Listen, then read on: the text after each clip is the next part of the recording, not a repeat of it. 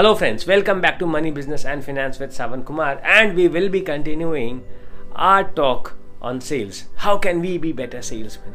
How and what makes us a better salesman? Now, the biggest question for a salesman is where to get leads from. Who would be buying from him? Who can he reach out to? What kind of people? What kind of audience? What kind of who should he target exactly? So that he can make sales, so that he can get revenue for the company. This is the biggest question any salesperson ever has.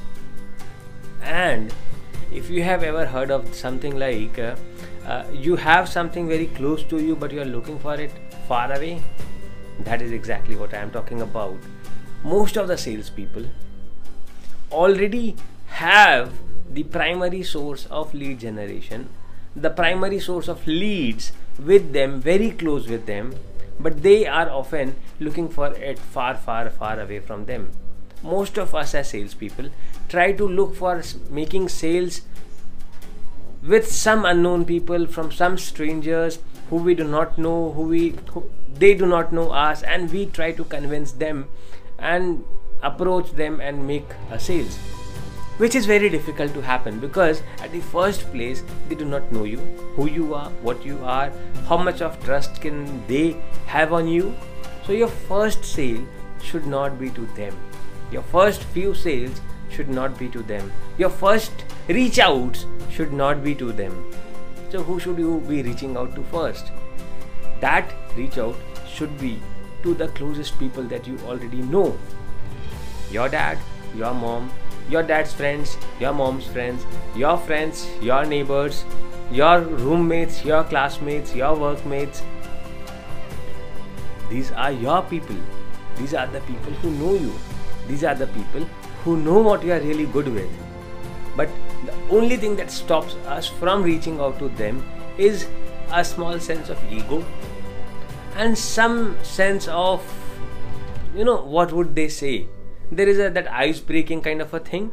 We are unable to reach out to them because we uh, somehow think that they might not take it in the right spirit or i would get to hear a no which you are anyways going to get to hear.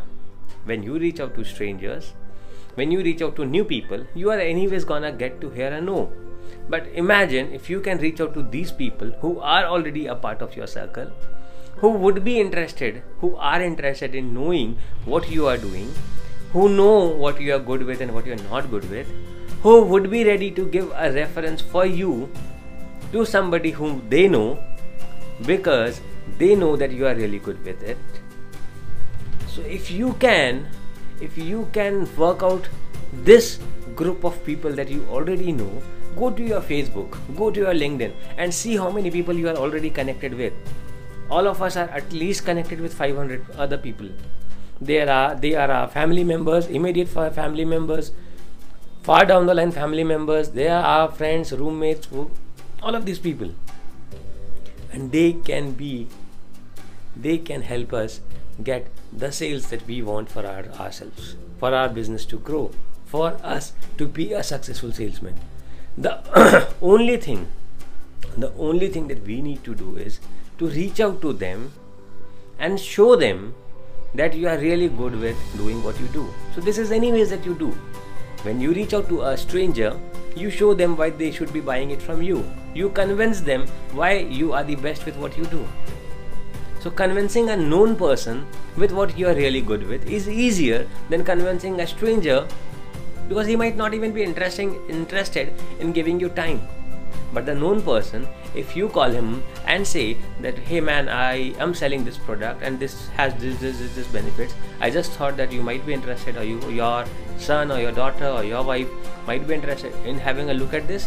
Why don't you give me their number or her number and I will reach out to them and show it to uh, show it to them and so on blah blah blah, blah. you can make a sales pitch to them so what you need to do is write down a list of people who you can immediately contact who you can immediately contact, who are reachable, who are reachable, and ask them if they are interested in your product or if not, if they can pass on some references to you. When you get referrals from them, and when you reach out to the referrals and say that that person gave me your reference, because he is my uncle or my aunt or my dad or my mother, they would be happy to listen from you. What your proposal is, what your project is, and it might happen that you might get the best sales of your life. They would be far easy to close than it is with the strangers. They would be buying from you, provided you are having a good product, you are a good salesman, you have all the good qualities of a good salesman you are able to pitch your product well you are able to sell your product well you are already sold about the product you owe the product that you are selling once you have taken care of all of the uh, previous things that we discussed about and then you are reaching out to these people making a sales would be a cakewalk you would be having far less number of rejections and far more number of sales. Far more value of sales is what you would be closing per person than what you would be closing when you reach out to a stranger and once you have closed so many sales once you have got so many testimonials or feedbacks or reviews from these people who have taken your product already and used your product already it would become easier to reach out to a stranger to make this new sales. It would become far more easier for you because now you have experience. You now know what the objections would be coming.